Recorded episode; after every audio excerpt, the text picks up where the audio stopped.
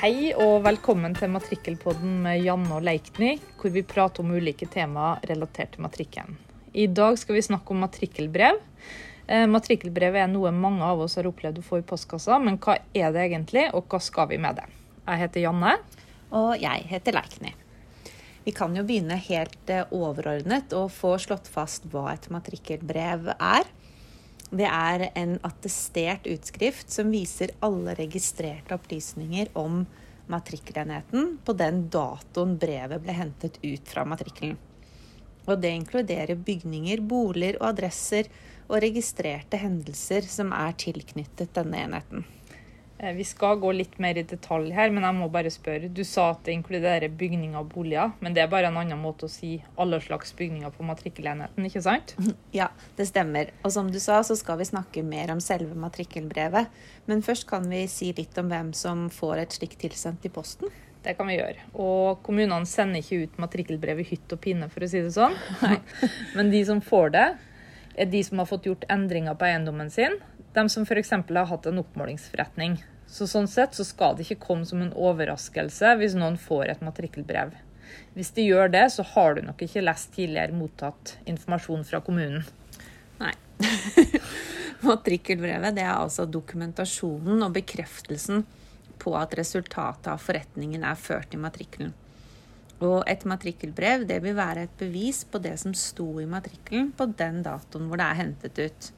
Og i oversendelsen av matrikkelbrevet så skal det også opplyses om adgangen til å klage og klagefristene. Du kan klage på innholdet i matrikkelbrevet, og du har også mulighet til å klage på gjennomføringen av oppmålingsforretningen. Så er det kanskje greit å si at Hovedregelen er at du har tre ukers klagefrist fra du mottar matrikkelbrevet. Ja, det er det. Så den papirkonvolutten eller digitale konvolutten er det viktig å åpne med en gang. For i saksprosessen så er matrikkelbrevet avslutningen av saken din med kommunen. Matrikkelbrevet er attestert, og det betyr at eh, kommunen skriftlig bekrefter at opplysningene er i samsvar med det som er registrert i matrikkelen.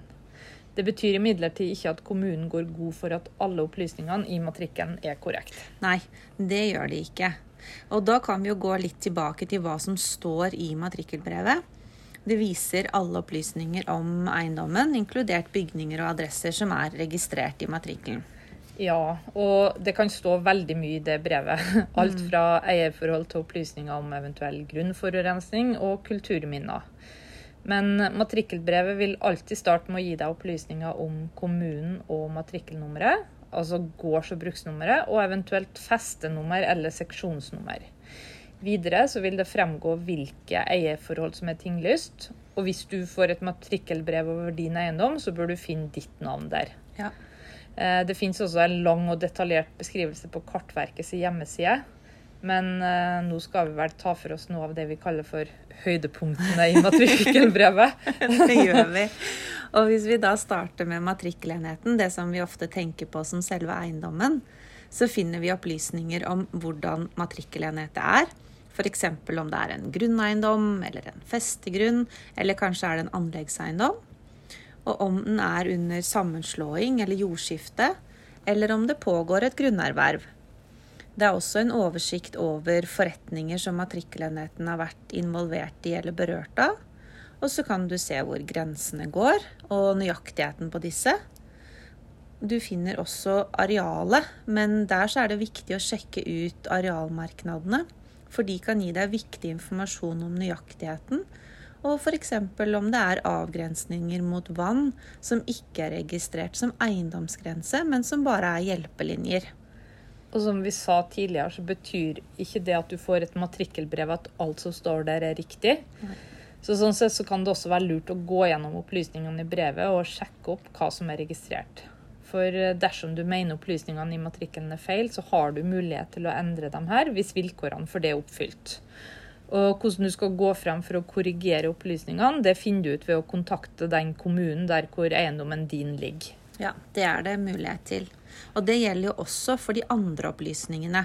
Så da kan vi jo si litt om hva som registreres som bygninger. Mm, det kan vi gjøre. Eh, bygningsopplysninger er delt i det vi kan kalle ulike nivåer.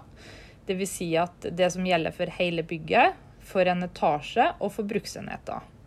En slik opplysning er f.eks. bygningstype som beskriver bygningens bruk, som f.eks.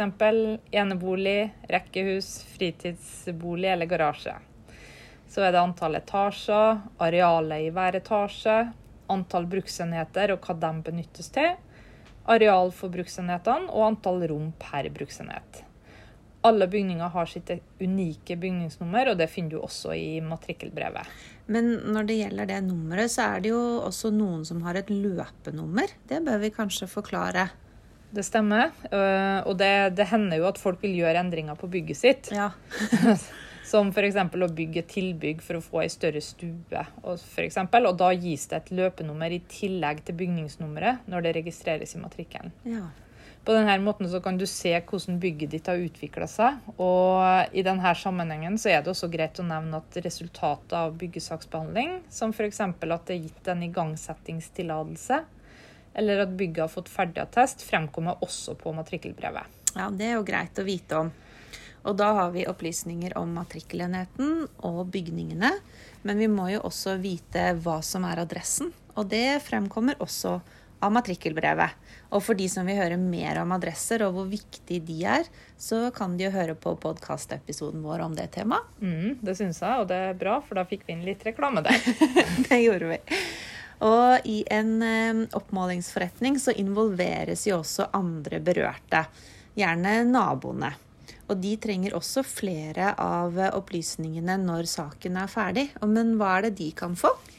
De kan få det som heter et utdrag fra matrikkelen. eh, Og det inneholder mange av de samme opplysningene som vi har snakka om i matrikkelbrevet. Det er altså en dokumentasjon og en bekreftelse på at resultatet av forretningen er ført i matrikkelen. Eh, Også når kommunen registrerer resultatet av en jordskiftesak, så vil partene, og noen ganger andre berørte, motta et relevant utdrag av matrikkelen. Det vil vise hvilke endringer og tilføyelser som er gjort i matrikkelen, slik som hvilke grenser som er merka og målt. Det er jo fint. Og slik som ved matrikkelbrevet, så vil et relevant utdrag av matrikkelen være et bevis på hva som var registrert i matrikkelen på den datoen. Og det er også disse opplysningene det forventes at eh, du er kjent med. Men kan vi få slike opplysninger uten at det er en oppmålingsforretning eller noe annet på gang? Ja, det er fullt mulig. Og vi kan også bestille et matrikkelbrev fra kommunen der eiendommen ligger. Eh, ofte så ligger det informasjon om det her ute på kommunens hjemmeside, og der fremgår det også hva det koster å få et matrikkelbrev tilsendt. En annen måte for å finne ut mer om hva som finnes av opplysninger om din eiendom, er å gå inn på nettsida Se eiendom. Den er gratis og tilgjengelig for alle, og den er derfor ikke like detaljert som et matrikkelbrev. Men et tips fra vår side er å begynne altså på Se eiendom først. Ja, Det er et godt tips, og kanskje en bra avslutning på denne episoden. Ja, det syns jeg. Og så kan vi jo minne om at en detaljert informasjon om matrikkelbrevet også, det finner dere på Kartverket sine nettsider. Ja, og med det så kan vi si ha det for denne gangen. Det gjør vi. Ha det. Ha det!